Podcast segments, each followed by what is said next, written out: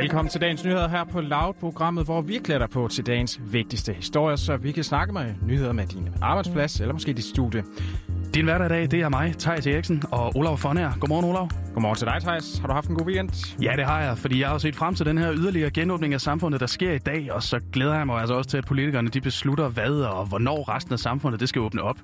Det skal nemlig diskutere i dag, og vi bør altså få en plan at se i løbet af i morgen.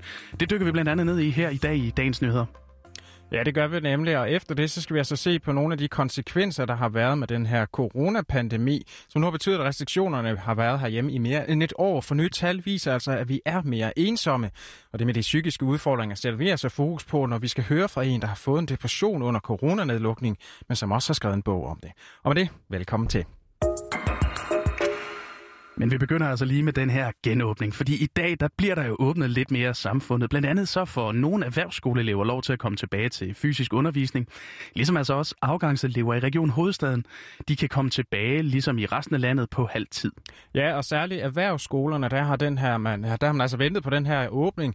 Det fortæller Ole Heiner. Han er formand for lederne hos Danske Erhvervsskoler og Gymnasier. Vi er meget, meget begejstrede. Øh, det, det var svært tiltrængt. Øh, vi har jo elever, der har øh, der startet her efter jul, som jo øh, ikke har været i, i nogen former for, for praktisk værksteder. Så det, at de får mulighed for at komme ind igen, det er, det er simpelthen helt, øh, helt unikt. Men det er altså kun elever, som skal tage et certifikatfag, der får altså lov til at møde. Og sådan et certifikat her, det kan blandt andet give adgang til praktik. Og så er der også elever, der skal til svendeprøve, der får lov til at komme tilbage til deres skole. Derudover så kan dem, der er i skolepraktik, nu også endelig få lov til at komme tilbage i praktik på skolen, mens deres kammerater de altså får lov til at være i praktik derude. Men det er altså gået alt for langsomt med at få dem her tilbage, lyder det fra Anton Bay Hansen. Han er formand for de danske erhvervsskoleelever det er alt for sent. Altså, det er latterligt, at det først er nu, at man kan se, at det måske giver mening. Øh, jeg synes, det er ærgerligt, at man har valgt at nedprioritere de elever, der i forvejen måske øh, altså, er lidt bagud, fordi at for det første, så skal du gå en måned og glo ud i luften, inden du kan få lov at komme i skolepraktik, hvis du ikke har en læreplads. Øhm, så man kan sige, at man er i forvejen en udfordret elev, bare det, at man er i skolepraktik. Altså, så er du allerede en måned bagud, ikke? Og hvis din skolepraktik så har været lukket i et halvt år, fordi at man ikke øh, ligesom har øh, haft øh, vilje til at få det til at fungere, jamen så, altså, så er du jo fuldstændig sat af i forhold til dine klassekammerater, ikke? Og skolepraktikken, den gælder jo for dem, som ikke har kunne finde en rigtig praktikplads, og så kan de altså i stedet få den praktiske erfaring på deres skoler. Og så er Anton her altså også utilfreds med, at der ikke bliver åbnet for flere elever på erhvervsuddannelserne. Det er nemlig tæt på umuligt at uddanne sig til tømrer, smed eller frisør, når man bare sidder derhjemme svarer til, at øh, du tog alle tekstbøgerne fra en jurastuderende og sagde, øh, lær lovparagraferne, men du må ikke læse dem. Øh, altså, det, det, er jo, det er jo det, uddannelsen drejer sig om. Men der kan faktisk godt være på, vej, øh, på hjælp på vej til at ansætte Hansen og de andre elever på erhvervsskolerne. For i dag der har statsminister Mette Frederiksen nemlig inviteret samtlige partiledere i Folketinget til forhandlinger om yderligere genåbning efter påske, og så sådan en mere langsigtet genåbningsplan. Tidligere der har statsministeren fortalt, at den her plan den skal være på plads senest i morgen. Ja, det har hun nemlig fortalt, og da den her genåbning, vi ser i dag, den blev forhandlet på plads i torsdags, ja, der blev der altså også set frem mod forhandlingerne i dag. Og vi kan lige prøve at høre, hvad Søren Pape Poulsen, formand for de konservative, han sagde i torsdags. Den helt store kamp kommer jo på mandag, hvor vi skal have sat gang i rigtig meget, hvad vi skal åbne efter påske. Og der har vi fået en lang række beregninger, som jeg også har noteret mig, pressen jo har, har set alle sammen. Og så må vi jo øh, tage de forhandling derfra. Og inden forhandlingerne senere i dag, ja, der har både Anton Bay Hansen og Ole Heiner altså også et meget klart ønske til politikerne. At øh, alle erhvervsskoleeleverne kommer tilbage på deres værksteder, hvor de rent faktisk kunne tage deres uddannelse. Det er rigtig svært samlet set at gennemføre en erhvervsuddannelse, hvis du ikke øh, har mulighed for at, at få den her vekselvirkning mellem teori og praksis. Så vi håber, at, at det bliver en fuld genåbning for, for alle erhvervsuddannelserne. Ole Heine fortæller altså, at man er klar til at åbne efter påske, mens Anton Bay Hansen vil have eleverne tilbage hurtigst muligt. Og faktisk så havde han altså gerne set, at det var sket for længe siden. Han mener dog, at politikerne de har overset, hvor vigtig den fysiske undervisning den er for erhvervsskolerne i forhold til de almene gymnasier. Gymnasieeleverne savner helt sikkert det sociale, altså no doubt, men altså, de, de er jo ikke på gymnasiet for at være sociale. De, de er jo på gymnasiet for at tage en uddannelse, og man kan sige, at erhvervsskoleeleverne er jo på deres uddannelse fordi de skal være der. Det er der, de ligesom lærer deres håndværk. Så altså, Jo, jo, det er da synd for øh, gymnasieeleverne, at de ikke kan se deres venner og være til fredagsbar og drikke sig øh, i hegnet. Øh, altså, øh, det er da ærgerligt, men det er da bare rigtig ærgerligt, at øh, murlærlingen han ikke kan blive murer. Og senere i dag, så skal øh, partilederne altså mødes. Det bliver med statsministeren, det bliver nogenlunde omkring middag. Og der er altså ikke sat nogen bagkant af på det her møde. Og som vi lige sagde før, så har Mette Frederiksen altså regnet med, at man har landet en aftale omkring yderligere genåbning senest i morgen. Og vi følger selvfølgelig udviklingen her på Loud. Og fra genåbning, så skal vi videre til nogen, som har oplevet en hel del konsekvenser ved coronanedlukning. Olav, har du oplevet nogle større psykiske problemer ved hele den her coronatid? Nej, det har jeg, personligt har jeg ikke, men jeg kender flere, som, øh, hvad skal vi sige, som har, har været præget rimelig hårdt af corona, hvor coronalukninger i hvert fald ikke har gjort noget godt for deres psykiske velbefindende. Ja, jeg kender også et par stykker, der har stået i den situation, og, og gennem hele coronakrisen, der har en række forskere fra Aarhus Universitet altså også spurgt en masse danskere om, hvordan de har det under corona. Det er det, der hedder HOPE-projektet. Og lige nu, så kan man altså se, at ensomheden, den præger os danskere. Det fortæller Michael Bang-Petersen, der er professor ved Institut for Statskundskab på Aarhus Universitet, og altså er leder af projektet.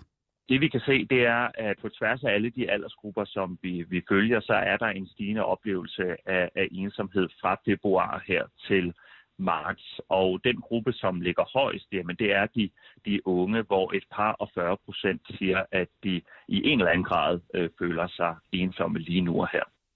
Kender du også til det her med ensomhed, Thijs?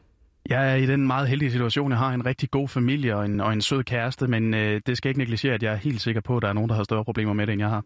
Mm. Nu skal vi så høre fra en af dem, som har oplevet øh, i den grad barske psykiske konsekvenser her under coronakrisen. Det er nemlig 23-årige Cecilie Sonne. Hun har valgt at skrive en bog om sine oplevelser med angst og depression her under corona. Og allerede inden coronanedlukningen, der var hun faktisk ramt af to depressioner og angst.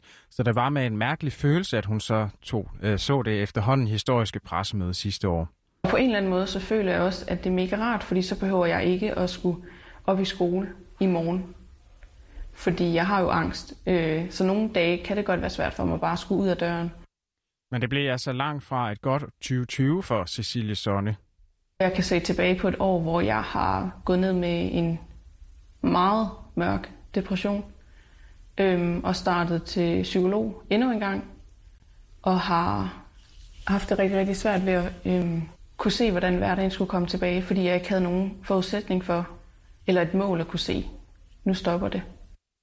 Ja, og det her svære år, det har altså sat sin spor hos Cecilie Sonne, som igen er blevet ramt på psyken.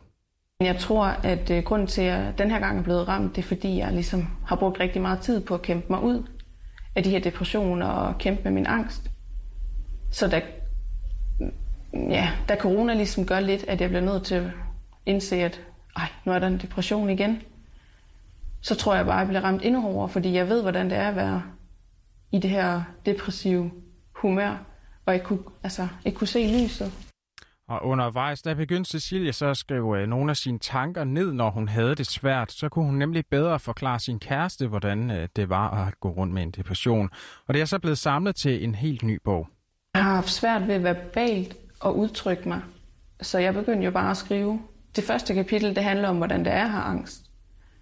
Øhm, så der begyndte jeg bare at skrive om, hvordan det ligesom kunne være svært at gå ned i fakta og handle. Så, øh, fordi så kunne jeg give ham historien, og så kunne han måske forstå, hvordan jeg havde det, uden at jeg selv behøvede at fortælle ham det og forklare og tænke. Alt i alt så er det altså blevet til 10 historier, som øh, bygger på Cecilies følelser med angst og depression, men de er altså alle sammen fiktive. Hun håber, at folk de vil læse dem for at få en bedre forståelse af psykisk sygdom, men også hvordan man har det med dem. Men det er altså ikke tanken, at det skulle udgives. Hun sendte faktisk øh, sin historie til et øh, forlag, som var så tilfreds med dem, at de så efterfølgende står til at blive udgivet i dag. Der var i stedet faktisk tiltænkt til hendes veninder, som har hjulpet hende igennem den her svære periode. Den her den er til jer. Alle andre får lov til at smuglæse i den og købe den. Men den er til min omgangskreds som en kæmpe tak, fordi at de stadig elsker mig. Og de vil mig, fordi at jeg har det skidt. Og jeg nogle dage bare lukker i. Ja, og Cecilie Søren, hun er altså over sin seneste depression nu, og med foråret og en yderligere genåbning, ja, så kunne man måske også tænke, at der var positive tanker hos hende, men sådan er det faktisk ikke kun. Jeg glæder mig rigtig meget til at komme ind på mit studie igen, at kunne komme ud og spise, og alt det der, som alle andre selvfølgelig også savner. Men jeg kan godt mærke, at min angst også øh, fortæller mig, Cecilie, nu, nu skal du ud og have din facade op, og du skal være klar, og du skal stå op, og du skal køre ind på studiet, og du skal tage tøj på, og du skal i bad, og du kan ikke bare sætte dig ind foran skærmen i natbukser og en pæn trøje. Nu skal jeg stå op. Det er, sådan, det er jeg lidt nervøs for.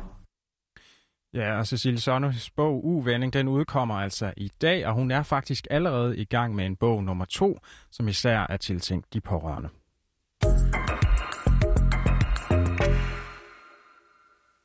Og øh, med den stærke historie for Cecilie, ja, så kom vi altså også igennem dagens nyheder. Vi håber, at du føler dig klædt på til dagen. Din hverdag i dag, det har været Thijs Eriksen, og mit navn det er Olaf Fonager. Tak fordi du lyttede med.